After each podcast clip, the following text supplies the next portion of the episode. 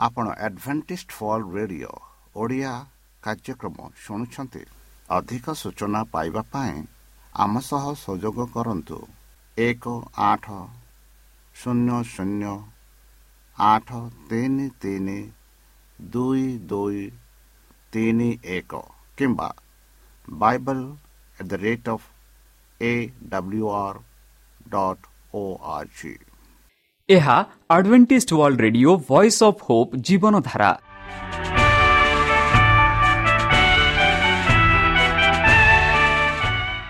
Odia radio କାର୍ଯ୍ୟକ୍ରମ ଯାହା ଆମର ଆନ୍ତର୍ଜାତୀୟ ଆଘାତ କେନ୍ଦ୍ରରୁ ପ୍ରସାରଣ କରାଯାଉଛି ପ୍ରତିଦିନ ରାତି ନଅଟା ତିରିଶ ମିନିଟ୍ରେ।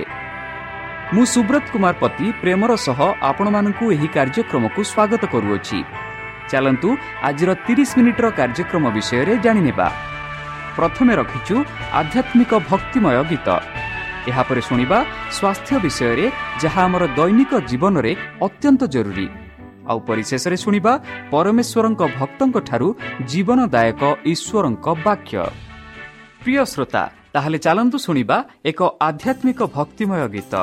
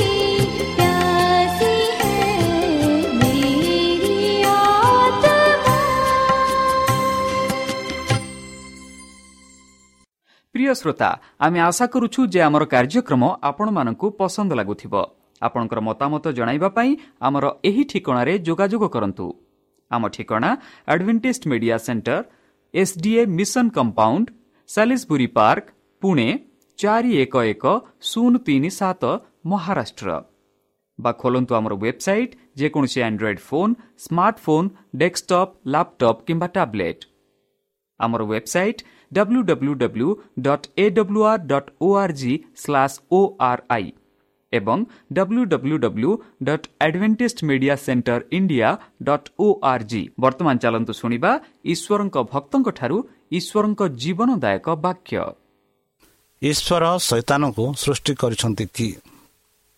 ପାର୍ଟ ୱାନ୍ ଭାଗ ଏକ। ନମସ୍କାର ପ୍ରିୟ ଶ୍ରୋତା। ସେହି ସର୍ବଶକ୍ତି ସର୍ବଜ୍ଞାନୀ ପ୍ରେମର ସାଗର ଦୟାମୟ ଅନ୍ତର୍ଜମୀ ଅନୁଗ୍ରହ ପରମ ପିତାଙ୍କ ମଧୁର ନାମରେ। ମୁଁ ପାଷ୍ଟ ପୂର୍ଣ୍ଣଚନ୍ଦ୍ର ଆଉ ଥରେ ଆପଣମାନଙ୍କୁ ଏହି କାର୍ଯ୍ୟକ୍ରମରେ ସ୍ୱାଗତ କରୁଅଛି। ସେହି ସର୍ବଶକ୍ତି ପରମେଶ୍ୱର ଆପଣମାନଙ୍କୁ ଆଶୀର୍ବାଦ କରନ୍ତୁ। ଆପଣଙ୍କର ସମସ୍ତ ପ୍ରକାର ଦୁଃଖ କଷ୍ଟ ବାଧା କ୍ଲେଶ ଓ ରୋଗରୁ ଦୂରେଇ ରଖନ୍ତୁ।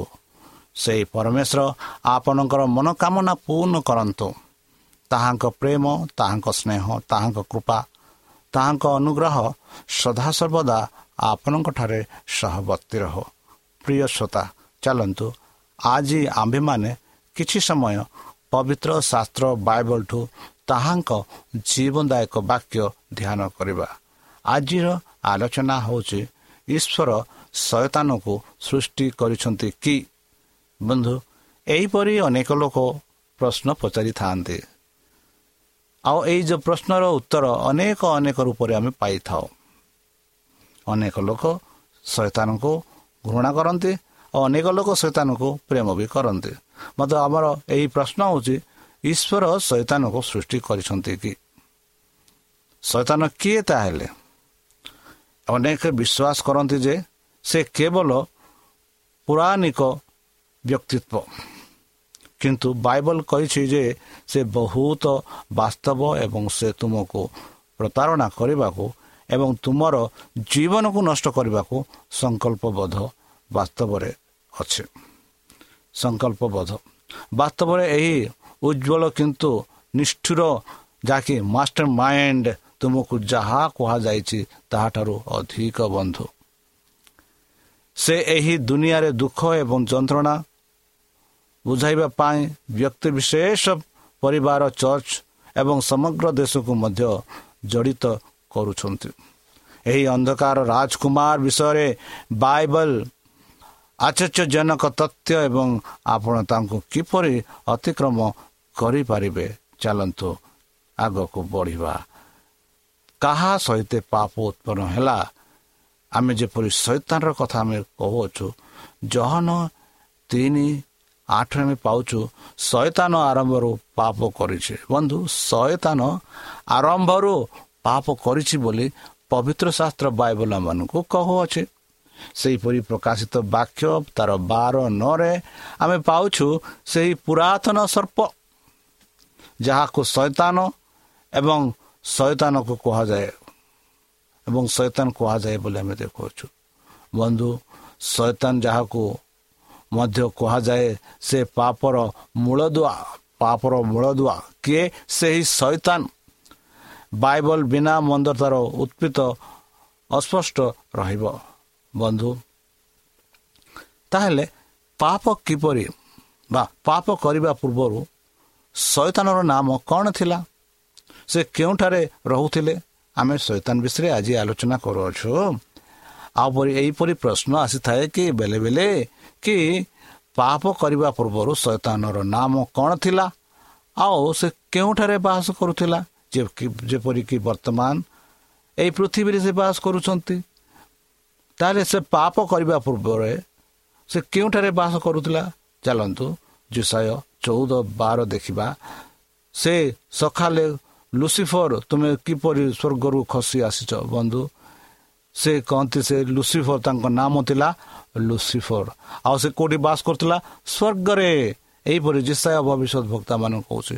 ସେହିପରି ଲୁକ ଦଶ ଅଠର ଏବେ ଦେଖାଉଛୁ ଯିଶୁ ସେମାନଙ୍କୁ କହିଲେ ମୁଁ ଦେଖିଲି ଶୟତାନ ସ୍ୱର୍ଗରୁ ବିଜୁଳି ସଦୃଶ ପଡ଼ିଛି। ବନ୍ଧୁ ଯେବେ ଶୈତାନ ସ୍ୱର୍ଗରେ ପାପ କଲା ସେଇ ପାପ ଯୋଗୁଁ ତାକୁ ସ୍ୱର୍ଗରୁ ତୋଡ଼ା ଦିଆଗଲା। ଏହିପରି ଯୀଶୁ ଖ୍ରୀଷ୍ଟ କହୁଛନ୍ତି। ସେହିପରି ଜିଜିକଲ ଅଠେଇଶ ଚଉଦରେ ଆମେ ଦେଖୁଅଛୁ ବନ୍ଧୁ ତୁମେ ଈଶ୍ୱରଙ୍କ ପବିତ୍ର ପର୍ବତରେ ଥିଲ ପବିତ୍ର ପର୍ବତ ମାନେ ଈଶ୍ୱରଙ୍କ ସହ ଥିଲ। ଶୈତାନ କୋଉଠି ଥିଲେ ବନ୍ଧୁ?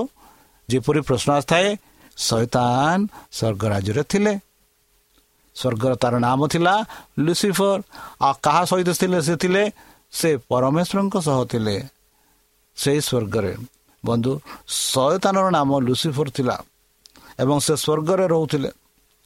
ଲୁସିଫର ମଧ୍ୟ ଜିସା ଚଉଦରେ ବାବିଲର ରାଜା ଏବଂ ଜିଜିକଲ ଅଠାଇଶରେ ସୋରସର ରାଜକୁମାର ଭାବରେ ପ୍ରତିକୃତ କରାଯାଇଛି। ଯଦି ଆପଣମାନେ ଆପଣମାନଙ୍କୁ ଯଦି ସମୟ ଅଛି ଦୟାକରି ଜିସାୟ ଚଉଦ ଆଉ ଜିଜିକଲ ଅଠେଇଶ ପଢ଼ନ୍ତୁ ତାହେଲେ ଶୈତାନର ବିଷୟରେ ଅଧିକ ରୂପେ ଜାଣିପାରିବ। ବନ୍ଧୁ ସେ ଯେଉଁ ଲୁସିଫରଙ୍କ ଲୁସିଫରଙ୍କ ଉତ୍ପତ୍ତି କ'ଣ ଥିଲା? ବାଇବଲ ତାଙ୍କୁ କିପରି ବର୍ଣ୍ଣନା କରେ? ବନ୍ଧୁ ବାଇବଲ କିପରି ତାକୁ ବର୍ଣ୍ଣନା କରେ ଯଦି ଆପଣ ଜିଜିକଲ ଅଠେଇଶ ପନ୍ଦରରେ ଦେଖିବା ସେ କହନ୍ତି ତୁମେ ସୃଷ୍ଟି ହୋଇଅଛ। ଆଉ ସେହିପରି ଯଦି ଆଗକୁ ବଢ଼ିବା ଆମେ ଜିଜିକଲ ଅଠେଇଶ ବାର ତେର ଆଉ ପନ୍ଦର ଯଦି ଦେଖିବା ତୁମେ ସିଦ୍ଧାର୍ଥର ମୂର୍ତ୍ତା ମୁଦ୍ରା ତୁମେ ସିଦ୍ଧତାର ମୁଦ୍ରା ଜ୍ଞାନରେ ପରିପୂର୍ଣ୍ଣ ଏବଂ ସୌନ୍ଦର୍ଯ୍ୟର ସିଦ୍ଧ ବୋଲି ଆମେ ଦେଖୁଅଛୁ। ବନ୍ଧୁ ପ୍ରତ୍ୟେକ ମୂଲ୍ୟବାନ ପଥର ତୁମର ଆବରଣ ଥିଲା ବୋଲି ଆମେ ଦେଖୁଅଛୁ। ସେହିପରି ସେ ଥିଲେ। ତୁମେ ସୃଷ୍ଟି ହୋଇଥିବା ଦିନ ତୁମ ପାଇଁ ତୁମର ଏହିପରି ଥିଲା ଯେ ଏବଂ ପାଇପ୍ର କାର୍ଯ୍ୟ କାର୍ଯ୍ୟ ପ୍ରସ୍ତୁତ। ତୁମେ ସୃଷ୍ଟି ହେବା ଦିନଠାରୁ ତୁମ ଭିତରେ ଅଧର୍ମ ନ ହେବା ପର୍ଯ୍ୟନ୍ତ ତୁମେ ନିଜ ପଥରେ ସିଦ୍ଧ ଥିଲ ବୋଲି ଏହିପରି ଜି ଜି କଲ୍ରେ ଆମେ ପାଉଅଛୁ। ତାଙ୍କେ ସୃଷ୍ଟି ହେବା ପୂର୍ବରୁ ସୃଷ୍ଟି ହେଲା ପରେ ଭିତରେ ସେ ଅଧର୍ମ ବୋଲି ସେ ଜାଣିନଥିଲେ ଆଉ ଯେବେ ସେ ପାପ କଲେ ଏବେ ତାକୁ ଆମେ ଶୟତାନ ବୋଲି ଡାକୁଅଛୁ। ତୁମେ ଅଭିଷିକ୍ତ କିରୁବ ଯିଏ ଆଚ୍ଛାଦନା କରୁଛ ବୋଲି ଜି ଜି କଲ୍ରେ ଆମେ ପାଉଅଛୁ। ତୁମ ଈଶ୍ୱରଙ୍କ ପବିତ୍ର ପର୍ବତରେ ଥିଲ ତୁମେ ଜ୍ୱଳନ୍ତ ପଥର ମଧ୍ୟ ପଛକୁ ବୋଲିଲ ବନ୍ଧୁ। ଅନ୍ୟ ସମସ୍ତ ଦୂତମାନଙ୍କ ପରି ଲୁସିଫର ଈଶ୍ୱରଙ୍କ ଦ୍ୱାରା ସୃଷ୍ଟି ହୋଇଥିଲେ ଲୁସିଫର ଜଣେ ଆଚ୍ଛାଦାନ କିରୁବ ବା ଦୂତ ଥିଲେ ଜଣେ ଆଚ୍ଛାଦିତ ଦୂତ ଈଶ୍ୱରଙ୍କ ସିଂହାସନରେ ବାମ ପାର୍ଶ୍ୱରେ ଏବଂ ଅନ୍ୟଟି ଡାହାଣ ପାର୍ଶ୍ୱରେ ଠିଆ ହୋଇଛନ୍ତି ଲୁସିଫର ଏହି ଉଚ୍ଚମାନର ଦୂତମାନଙ୍କର ମଧ୍ୟରୁ ଜଣେ ଥିଲେ ଏବଂ ଜଣେ ନେତା ଥିଲେ ବୋଲି ଆମେ ଦେଖୁଅଛୁ ଲୁସିଫରଙ୍କ ସୌନ୍ଦର୍ଯ୍ୟ ନିଖୁନ୍ନ ଏବଂ ଚମତ୍କାର ଥିଲା ବୋଲି ଆମେ ଦେଖୁଅଛୁ। ତାଙ୍କର ଜ୍ଞାନ ସିଦ୍ଧ ଥିଲା। ତାଙ୍କର ଉଜ୍ଜଳତା ଆଶ୍ଚର୍ଯ୍ୟଜନକ ଥିଲା ବୋଲି ଆମେ ଦେଖୁଅଛୁ। ସୂଚିତ କରେ ଯେ ସେ ଜଣେ ଉଲ୍ଲେଖନୀୟ ସଙ୍ଗୀତକାର ଭାବରେ ସ୍ୱତନ୍ତ୍ର ଭାବରେ ସୃଷ୍ଟି ହୋଇଥିଲେ। ବନ୍ଧୁ ଆଉ ଥରେ ମୁଁ କହୁଛି ସେ ଜଣେ ଉଲ୍ଲେଖନୀୟ ସଙ୍ଗୀତାର ଭାବରେ ସ୍ୱତନ୍ତ୍ର ଭାବରେ ସୃଷ୍ଟି ହୋଇଥିଲେ ବୋଲି ଆମେ ଦେଖୁଅଛୁ। କେତେକ ପଣ୍ଡିତ ବିଶ୍ୱାସ କରନ୍ତି ଯେ ସେ ଦୂତ ଠାକୁରଙ୍କ ନେତୃତ୍ୱ କରୁଥିଲେ ମାନେ ଈଶ୍ୱରଙ୍କ ନେତୃତ୍ୱମାନଙ୍କର ନେତୃତ୍ୱ କରୁଥିଲେ। ତେବେ ଏହିପରି ଜୀବନରେ ଲୁସିଫରଙ୍କ ଜୀବନରେ କ'ଣ ଘଟିଲା ଯାହା ତାଙ୍କୁ ପାପରୁ ନେଇଗଲା ବନ୍ଧୁ? ସେ କେଉଁ ପାପ କଲେ? ଯଦି ଆମେ ଏହି ବିଷୟରେ ଆଲୋଚନା କରିବା ଯଦି ଏଇ ଯେଉଁ ବ୍ୟକ୍ତି ସିଦ୍ଧ ସୌନ୍ଦର୍ଯ୍ୟ ଜ୍ଞାନୀ ଏହିପରି ବ୍ୟକ୍ତି ଭିତରେ କିପରି ପାପ ପ୍ରବେଶ ହେଲା ବନ୍ଧୁ ଯେବେ ଜିଜିକଲ ଅଠେଇଶ ସତର ଆମେ ଦେଖିବା ସେଠି ଆମେ ଦେଖୁଛୁ ତାଙ୍କର ସୌନ୍ଦର୍ଯ୍ୟ ହେତୁ। ତାଙ୍କ ସୌନ୍ଦର୍ଯ୍ୟ ହେତୁ ସେ ପାପ କଲେ। ତୁମର ମହିମା ପାଇଁ ତୁମର ଜ୍ଞାନକୁ ଭ୍ରଷ୍ଟ କରିଛ ବୋଲି ଆମେ ଦେଖୁଅଛୁ। ଜିସାୟ ଭବିଷ୍ୟତ ଭକ୍ତା ବି ତାହାଙ୍କ ବିଷୟରେ ବର୍ଣ୍ଣନା କରି ଲେଖନ୍ତି ଜିସାୟ ଚଉଦ ତେର ଚଉଦରେ ତୁମେ ନିଜ ହୃଦୟରେ କହିଛ ମାନେ ଲୁସିପାର ଆପଣା ହୃଦୟରେ ସେ କହନ୍ତି ମୁଁ ମୋର ସିଂହାସନକୁ ଈଶ୍ୱରଙ୍କ ତାରାଗଣ ଠାରୁ ଉଚ୍ଚ କରିବି ମାନେ ଈଶ୍ୱରଙ୍କର ଠାରୁ ଉଚ୍ଚରେ ଉଚ୍ଚ ସ୍ଥାନରେ ମୁଁ ରହିବି। ଆଉ ମୁଁ ସର୍ବପରିସ୍ଥିତି ହେବି ବୋଲି ସେ ନିଜକୁ ବୋଲେ ମାନେ ପରମେଶ୍ୱରଙ୍କ ପରି ହେବି ବୋଲି ସେ ନିଜକୁ କହିଲେ ଏହିପରି ତାଙ୍କ ହୃଦୟରେ ପାପ ପ୍ରବେଶ ହେଲା। ବନ୍ଧୁ ଲୁସିଫରଙ୍କ ହୃଦୟରେ ଗର୍ବ ଈର୍ଷା ଏବଂ ଅସନ୍ତୋଷ ସୃଷ୍ଟି ହେଲା। ଏ ତ ତିନିଟା ପଦ ମୁଁ କହୁଛି ମନେ ରଖନ୍ତୁ। ଗର୍ବ ଈର୍ଷା ଓ ଅସନ୍ତୋଷ ସୃଷ୍ଟି ହେଲା। ଆଜି ମଧ୍ୟ ଆମମାନଙ୍କ ସହ ଏହିପରି ଆସିଥାଏ। ଆମେ ଗର୍ବ କରିଥାଉ ଈର୍ଷା କରିଥାଉ ଅସନ୍ତୁଷ୍ଟ ହୋଇଥାଉ। ସେ ଶୀଘ୍ର ଈଶ୍ୱରଙ୍କୁ ଅଲଗା କରିବାକୁ ଇଚ୍ଛା କରିବାକୁ ଲାଗିଲେ। ଏବଂ ଏହା ବଦଳରେ ସମସ୍ତେ ତାଙ୍କୁ ପୂଜା କରିବାକୁ ଦାବି କଲେ। ବନ୍ଧୁ ଆଜିକାଲି ଆମ ରାଜନୀତିରେ ମଧ୍ୟ ଏହିପରି ଚାଲିଥାଏ। ଏହିପରି ରାଜନୀତିରେ ଚାଲିଛି। ଆମେ ଦେଖୁଅଛୁ। ବନ୍ଧୁ ଟିକିଏ ଧ୍ୟାନ ଦିଅନ୍ତୁ। ପୂଜା କାହିଁକି ଏପରି ଗୁରୁତ୍ୱପୂର୍ଣ୍ଣ ଜିନିଷ? କେବେ ଭାବିଛନ୍ତି କି? ଈଶ୍ୱର ଏବଂ ଶୈତାନ ମଧ୍ୟରେ ଚାଲିଥିବା ସଂଘର୍ଷ ଏହା ହେଉଛି ମୁଖ୍ୟ କାରଣ। ପୂଜା। ଯେତେବେଳେ ଆମେ କେବଳ ଈଶ୍ୱରଙ୍କୁ ଉପାସନା କରୁ ଲୋକମାନେ ଖୁସି ଏବଂ ପୂର୍ଣ୍ଣ ହେବା ପାଇଁ ସୃଷ୍ଟି ହୋଇଥିଲେ। ସ୍ୱର୍ଗର ଦୂତମାନଙ୍କ ମଧ୍ୟ ପୂଜା କରିବା ଉଚିତ ନୁହେଁ। ପ୍ରକାଶିତ ବାକ୍ୟ ବାଇଶ ଏକ ଟୁନରେ ଆମେ ପାଉଛୁ। ଶୟତାନ କେବଳ ଈଶ୍ୱରଙ୍କ କାରଣରୁ ଏହି ଉପାସନାକୁ ଖୋଜିଲା। ଶତାବ୍ଦୀ ପରେ ଯେତେବେଳେ ସେ ମରୁଭୂମିର ଯୀଶୁଙ୍କୁ ପରୀକ୍ଷା କଲେ ପୂଜା ତଥାପି ତାଙ୍କର କେନ୍ଦ୍ରୀୟ ଇଚ୍ଛା ଏବଂ ଏକ ପ୍ରମୁଖ ପରୀକ୍ଷା ଥିଲା ଯାହା ଆମେ ମାତୃ ଚାରି ଆଠ ଏଗାରରେ ଆମେ ପାଉଅଛୁ। ବର୍ତ୍ତମାନ ଏହି ଶେଷ ଦିନରେ ବନ୍ଧୁ ଯେପରି ଈଶ୍ୱର ସମସ୍ତ ଲୋକଙ୍କୁ ତାଙ୍କ ଉପାସନା କରିବାକୁ ଆହ୍ୱାନ କରନ୍ତି ଯାହାକି ପ୍ରକାଶିତ ଚଉଦ ଛଅ ସାତରେ ଆମେ ଦେଖାଉଛୁ ସେହିପରି ଏହା ଶୈତାନଙ୍କୁ ଏତେ କ୍ରୋଧିତ କରେ ଯେ ସେ ଲୋକମାନଙ୍କୁ ନିଜ ଉପାସନା କରିବାକୁ ବାଧ୍ୟ କରିବାକୁ ଚେଷ୍ଟା କରିବା କିମ୍ବା ଅନ୍ୟକୁ ହତ୍ୟା କରାଯିବ ଏହିପରି ଆମେ ଦେଖୁଅଛୁ ଆଜିକାଲି ଆମ ଦୁନିଆରେ ମଧ୍ୟ। ସମସ୍ତେ କାହାକୁ କିମ୍ବା କିଛି ପୂଜା କରନ୍ତି? ଶକ୍ତି ପ୍ରତିଜ୍ଞା ପ୍ରତିଷ୍ଠା ଖାଦ୍ୟ ଆନନ୍ଦ ଶପତି ଇତ୍ୟାଦି କିନ୍ତୁ ଈଶ୍ୱରଙ୍କୁ ଈଶ୍ୱର କହନ୍ତି ମୋ ଆଗରେ ତୁମର ଅନ୍ୟ ଦେବତା ରହିବ ନାହିଁ। ଏହିପରି ଯାତ୍ରା ତିନି କୋଡ଼ିଏ ତିନିରେ ଆମେ ପାଉଛୁ। ବନ୍ଧୁ ଲୁସିଫରଙ୍କ ପରି ଆମେ କାହାକୁ ପୂଜା କରୁ ସେ ବିଷୟରେ ଆମର ଏକ ପସନ୍ଦ ଅଛି। ଯଦି ଆମେ ସୃଷ୍ଟିକର୍ତ୍ତା ବ୍ୟତୀତ ଅନ୍ୟ କାହାକୁ କିମ୍ବା ଅନ୍ୟ କୌଣସି ଉପାସନା କରିବାକୁ ପସନ୍ଦ କରୁ ସେ ଆମର ପସନ୍ଦକୁ ସମାନ ସମାନ କରିବେ। କିନ୍ତୁ ଆମେ ତାଙ୍କ ବିରୁଦ୍ଧରେ ଗଣନା କରିବୁ। ଯାହାପରି ମାଥ୍ୟୁ ବାର ତିରିଶରେ ଆମେ ପାଉଛୁ। ଯଦି ଈଶ୍ୱରଙ୍କ ବ୍ୟତୀତ ଅନ୍ୟ କୌଣସି ବ୍ୟକ୍ତି ଆମ ଜୀବନରେ ପ୍ରଥମ ସ୍ଥାନ ଗ୍ରହଣ କରନ୍ତି ତେବେ ଆମେ ଶହେତାନର ପାଦାଙ୍କ ଅନୁସରଣ କରୁଛୁ ବୋଲି ଆମେ ଦେଖୁଛୁ। ତୁମ ଜୀବନରେ ଈଶ୍ୱରଙ୍କର ପ୍ରଥମ ସ୍ଥାନ ଅଛି ନା ତୁମେ ଶହେତାନର ସେବା କରୁଛ? ଏହା ନିଜକୁ ପଚାରିବାକୁ ପଡ଼ିବ। ଏହା ଏକ ଗୁରୁତ୍ୱପୂର୍ଣ୍ଣ ପ୍ରଶ୍ନ ନୁହେଁ କି ବନ୍ଧୁ? ହଁ ଏହା ଏକ ଗୁରୁତ୍ୱପୂର୍ଣ୍ଣ ପ୍ରଶ୍ନ ଯାହା ଆମେ ଭାବିବାକୁ ପଡ଼ିବ। ଲୁସିଫରଙ୍କ ପାପର ପରିଣାମ ସ୍ୱରୂପ ସ୍ୱର୍ଗରେ କ'ଣ ହେଲା? ବନ୍ଧୁ ସ୍ୱର୍ଗ ଯୁଦ୍ଧ ଆରମ୍ଭ ହେଲା ବନ୍ଧୁ। ମାଇକେଲ ଯିଏକି ଯୀଶୁପ୍ରଭୁ ଏବଂ ତାଙ୍କର ଦୂତମାନେ ନାଗ ସହିତ ଯୁଦ୍ଧ କଲେ ବୋଲି ଆମେ ଦେଖୁଅଛୁ। ଏବଂ ନାଗ ସାପ ଏବଂ ତାଙ୍କର ଦୂତମାନଙ୍କ ଯୁଦ୍ଧ କଲେ କିନ୍ତୁ ସେମାନେ ବିଜୟୀ ହେଲେ ନାହିଁ କିମ୍ବା ସ୍ୱର୍ଗରେ ସେମାନଙ୍କ ପାଇଁ ଆଉ ସ୍ଥାନ ମିଳିଲା ନାହିଁ ମିଳିଲା ନାହିଁ। ଅତଏବ ମହାନ ପାପ ସାପକୁ ବାହାର କରି ଦିଆଗଲା। ସେହି ପୁରାତନ ସର୍ପ ଶୟତାନ ଏବଂ ଦିଆବଲ ବୋଲି କହିଲା ଯିଏ ସମଗ୍ର ଜଗତକୁ ପ୍ରତାରଣା କରେ ସେ ପୃଥିବୀକୁ ନିପେକ୍ଷ କରାଗଲା ଓ ତାଙ୍କ ଦୂତମାନେ ତାଙ୍କ ସହିତ ନିକ୍ଷେପ୍ତ ହେଲେ। ବନ୍ଧୁ। ଲୁସିଫର ଏକ ତୃତୀୟାଂଶ ଦୂତଙ୍କୁ ପ୍ରତାରଣା କଲେ ଯାହାକି ପ୍ରକାଶିତ ବାର ତିନି ଚାରି ଏବେ ପାଉଛୁ। ଏବଂ ସ୍ୱର୍ଗରେ ବିଦ୍ରୋହ ସୃଷ୍ଟି କଲେ। ଈଶ୍ୱରଙ୍କ ଲୁସିଫର ଏବଂ ଅନ୍ୟ ପତିତ ଦୂତମାନଙ୍କୁ ତଡ଼ିଦେବା ବ୍ୟତୀତ ଅନ୍ୟ କୌଣସି ବିକଳ୍ପ ନଥିଲା। କାରଣ ଲୁସିଫରଙ୍କ ଉଦ୍ଦେଶ୍ୟ ଥିଲା ଈଶ୍ୱରଙ୍କ ସିଂହାସନକୁ ଅଧିକାର କରିବା ଯଦିଓ ହତ୍ୟା ଅର୍ଥ ଯେପରି ଜହନ ଆଠ ଚଉରାଳିଶରେ ପାଉଛୁ ଆମେ। ସ୍ୱର୍ଗରୁ ବହିପୃଷ୍ଟ ହେବା ପରେ ଲୁସିଫରଙ୍କ ସୈତାନ କୁହାଯାଇଥିବା ଯାହାର ଅର୍ଥ ହେଉଛି ଶତ୍ରୁ ଏବଂ ସୈତାନର ଅର୍ଥ ହେଉଛି ନିନ୍ଦା। ସୈତାନର ଅନୁସରଣ କରୁଥିବା ଦୂତମାନଙ୍କୁ ଭୂତ କୁହାଯାଉଛି ଯାହାକି ଆମେ ବର୍ତ୍ତମାନ କହୁଅଛୁ। ବନ୍ଧୁ ତାହେଲେ ସୈତାନର ବର୍ତ୍ତମାନର ମୁଖ୍ୟାଳୟ କେଉଁଠାରେ ଅଛି?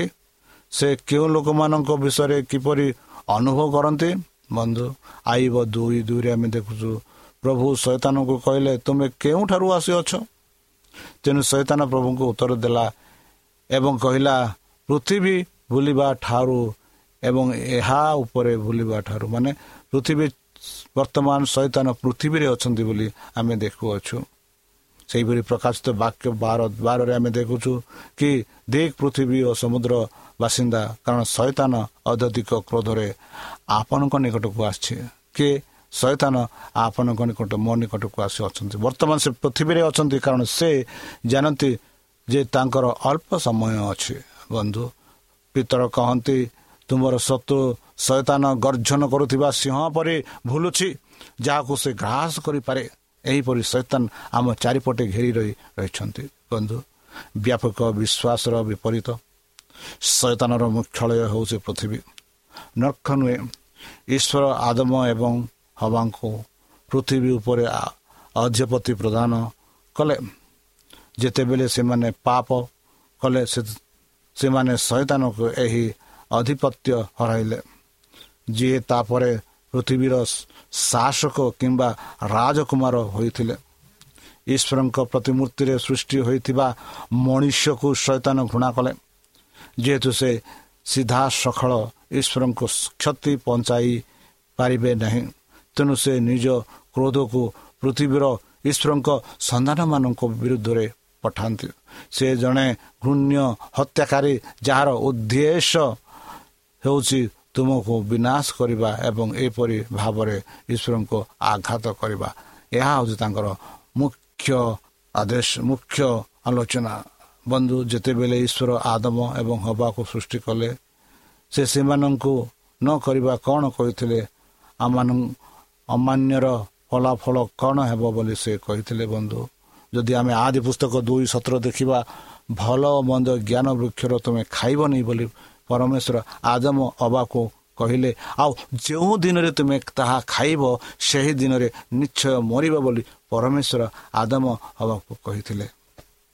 ଆଦମ ଏବଂ ହବାକୁ ଭଲ ଏବଂ ମନ୍ଦ ଜ୍ଞାନର ଗଛ ନ ଖାଇବାକୁ କୁହାଯାଇଥିଲା। ଆଉ ଏହି ଗଛର ଫଳ ଖାଇଲା ପାଇଁ ଦଣ୍ଡ ଥିଲା ହେଲ ମୃତ୍ୟୁ ବନ୍ଧୁ। ମନରେ ଯେ ଈଶ୍ୱର ମନେ ରଖନ୍ତୁ ଯେ ଈଶ୍ୱର ଆଦମ ଏବଂ ହବାଙ୍କୁ ନିଜ ହାତରେ ସୃଷ୍ଟି କରି ସେମାନଙ୍କୁ ଏକ ସୁନ୍ଦର ବଗିଚାରେ ରଖିଥିଲେ ଯେଉଁଠାରେ ସେମାନେ ସମସ୍ତ ପ୍ରକାର ଗଛରୁ ଖାଇବା ଉପଭୋଗ କରିପାରିବେ। କେବଳ ଗୋଟିଏ ବ୍ୟତୀତ ସେମାନଙ୍କୁ ନ୍ୟାୟ ପ୍ରଦାନ କରିବା ଈଶ୍ୱରଙ୍କ ଦୟାଳୁ ଉପାୟ ଥିଲା। ଈଶ୍ୱରଙ୍କ ଉପରେ ଭରସା କରି ଏବଂ ନିଷେଧ ବୃକ୍ଷ ନ ଖାଇବା ଦ୍ୱାରା ସେମାନେ ଚିରଦିନ ପାଇଁ ସ୍ୱର୍ଗରେ ରହିବେ। ଶୈତାନର କଥା ଶୁଣିବା ଦ୍ୱାରା ସେମାନେ ସମସ୍ତ ଜୀବନର ଉଚ୍ଚ ଈଶ୍ୱରଙ୍କ ଏବଂ ସ୍ୱାଭାବିକ ଭାବରେ ମୃତ୍ୟୁ ଅନୁଭବ କରିବାକୁ ପାଇଲେ ବନ୍ଧୁ ଏହି ପୃଥିବୀରେ ଆମେ ସମସ୍ତେ ବାସ କରୁଅଛୁ ଆଉ ସେଇ ଶୈତାନର କଥା ମାନି ଆମେ ଶୈତାନ ପରି କାମ କରୁଅଛୁ ତାହେଲେ ଚାଲନ୍ତୁ ସେଇ ଯୀଶୁଙ୍କ ଠାରେ ଆମେ ବିଶ୍ୱାସ କରିବା ଯେପରିକି ଆମେ ଶୈତାନଙ୍କୁ ହରାଇ ସେଇ ଯୀଶୁଙ୍କ ପଥରେ ଆମେ ଚାଲିପାରିବା ଆଉ ସେ ସ୍ୱର୍ଗ ରାଜ୍ୟର ଅଧିକାର ହେଇପାରିବା ତାହେଲେ ଚାଲନ୍ତୁ ନିଜକୁ ସମର୍ପଣ କରି ତାହାଙ୍କ ମଧୁର ନାମ ଆମେ ପ୍ରାର୍ଥନା ଅର୍ପଣ କରିବା। ହେ ଆମ୍ଭମାନଙ୍କ ସର୍ବଶକ୍ତି ସର୍ବଜ୍ଞାନୀ ପ୍ରେମର ସାଗର ଦୟାମୟ ଅନ୍ତର୍ଜମୀ ଅନୁଗ୍ରହ ପରମ ପିତା ଧନ୍ୟବାଦ ଅର୍ପଣ କରୁଅଛୁ ପ୍ରଭୁ ବର୍ତ୍ତମାନ ଯେଉଁ ବାକ୍ୟ ତୁମ ଭକ୍ତମାନଙ୍କୁ ଶୁଣାଇଲେ ସେହି ବାକ୍ୟ ଅନୁସାରେ ଏମାନଙ୍କୁ ଚାଲିବା ପାଇଁ ବୁଦ୍ଧିରେ ଜ୍ଞାନରେ ଶକ୍ତିରେ ପରିପୂର୍ଣ୍ଣ କର। ଆମ ପାପ ସବୁ ତୁମ ସେହି ବହୁମୂଲ୍ୟ ରକ୍ତରେ ପରିଷ୍କାର ରୂପେ ଧୋଇ ଆଉ ପରିଶେଷ ଯେବେ ତୁମେ ତୁମ ସେହି ସହସ୍ରଦୂତଙ୍କ ସହ ଆସିବେ ସେତେବେଳେ ଆମମାନଙ୍କୁ ଏକ ବାସସ୍ଥାନ ଦେ ବୋଲି ପ୍ରାଣକର୍ତ୍ତା ପ୍ରଭୁ ଯୀଶୁଙ୍କ ମଧୁରମୟ ନାମରେ ଏହି ଛୋଟ ବିକ୍ଷମଛୁ ତୁମେ ଗ୍ରହଣ କର ଆମେନ୍ ପ୍ରିୟ ଶ୍ରୋତା ଆମେ ଆଶା କରୁଛୁ ଯେ ଆମର କାର୍ଯ୍ୟକ୍ରମ ଆପଣମାନଙ୍କୁ ପସନ୍ଦ ଲାଗୁଥିବ ଆପଣଙ୍କର ମତାମତ ଜଣାଇବା ପାଇଁ ଆମର ଏହି ଠିକଣାରେ ଯୋଗାଯୋଗ କରନ୍ତୁ ଆମ ଠିକଣା advantage media centre S D A mission compound Salisbury park Pune ଚାରି ଏକ ଏକ ଶୂନ ତିନି ସାତ ମହାରାଷ୍ଟ୍ର ବା ଖୋଲନ୍ତୁ ଆମର ୱେବସାଇଟ୍ ଯେକୌଣସି android phone smartphone desktop laptop କିମ୍ବା ଟ୍ୟାବ୍ଲେଟ୍ ଆମର website W W W dot A W R dot O R G slash O R I ଏବଂ W W W dot advantage media centre India dot O R G advantage media centre ଇଣ୍ଡିଆର spelling ହେଉଛି A D V N T I S T M E D I A C N T R E I N D I A ଅଥବା download କରନ୍ତୁ ଆମର mobile app. ଆପଣଙ୍କର mobile play ଷ୍ଟୋରକୁ ଯାଆନ୍ତୁ ଆଉ type କରନ୍ତୁ ଦ ଭଏସ୍ ଅଫ୍ ହୋପ୍ ଆଉ download କରନ୍ତୁ। ଈଶ୍ୱର ଆପଣଙ୍କୁ ଆଶୀର୍ବାଦ କରନ୍ତୁ।